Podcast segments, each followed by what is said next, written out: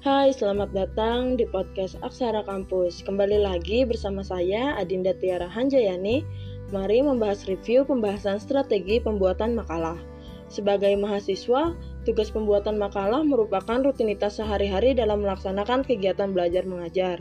Ibaratnya udah jadi makanan sehari-hari lah. Sebagai seorang akademisi, kita diharuskan menguasai berbagai strategi dalam pembuatan makalah. Apa sih makalah itu? Makalah adalah suatu karya ilmiah resmi yang di dalamnya membahas semua masalah secara lebih lanjut. Makalah perlu ditulis secara sistematis serta juga harus dianalisis dengan logis. Makalah digunakan untuk mendukung proses pembelajaran yang sering digunakan pada mahasiswa sebagai tugas, juga karya tulis laporan hasil pelaksanaan suatu kegiatan belajar. Pembahasan ini di dalam makalah berhubungan dengan suatu mata pelajaran, mata kuliah yang harus disusun dengan memperhatikan tiap kaidah penulisannya. Adapun ciri-ciri makalah yaitu data yang digunakan mempunyai validitas yang tinggi dan analisis serta interpretasinya haruslah objektif. Sebuah makalah harus mampu menunjukkan kejujuran ilmiah sang penyusun. Bahasa yang digunakan harus jelas, singkat, sederhana, dan teliti Makalah harus disusun secara sistematis dan utuh. Tentu tidak boleh asal menulis, maka dari itu terdapat sistematika penulisan makalah tersebut, yaitu yang pertama cover. Cover sebuah makalah harus memuat judul makalah, tujuan pembuatan makalah, lambang universitas, nama dosen pengampu mata kuliah, nama anggota kelompok, nama prodi atau jurusan, nama fakultas, nama universitas, nama kota, dan tahun. Yang kedua, kata pengantar, berisikan ucapan syukur, rasa terima kasih penulis, dan diakhiri dengan tanda tangan penulis makalah. Yang ketiga, daftar isi. Pada daftar isi, makalah berisi susunan isi makalah, judul, dan nomor halaman setiap uraian yang ada di hak makalah ditulis dan disusun dengan rapi.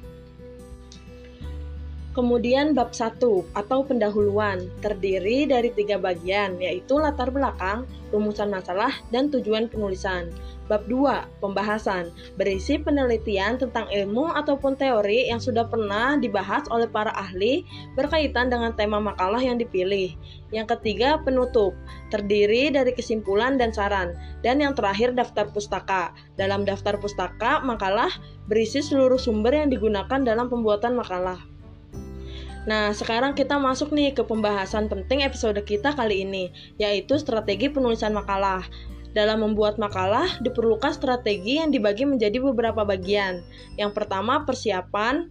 Pada tahap persiapan ini berfokus untuk mengumpulkan referensi, membaca referensi, dan mengembangkan kerangka makalah. Yang kedua, penulisan. Penulisan dapat dilakukan dengan mengkaji berbagai referensi yang sudah dicari pada tahap sebelumnya, tidak lupa memperhatikan teknik penulisan dalam penyajian makalah, serta menguraikan intisari pemahaman.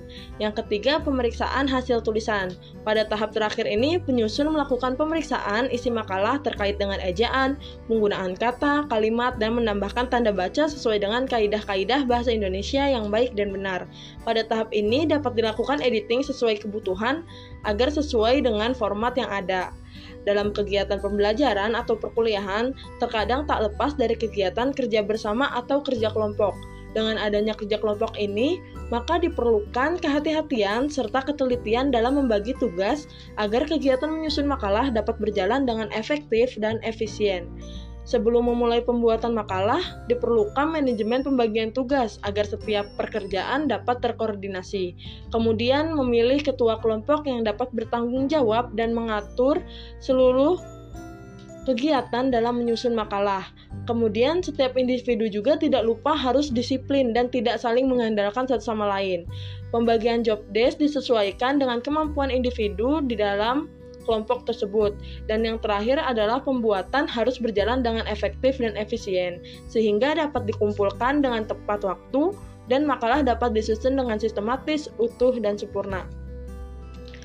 Itu tadi pembahasan seputar strategi pembuatan makalah. Diharapkan dengan menguasai strategi pembuatan makalah, para akademisi dapat menyusun makalah secara sistematis serta menganalisa dan logis. Terima kasih telah mengikuti saya dalam materi pembahasan kali ini. Aksara. Semoga tertulis di hatimu. Bye-bye.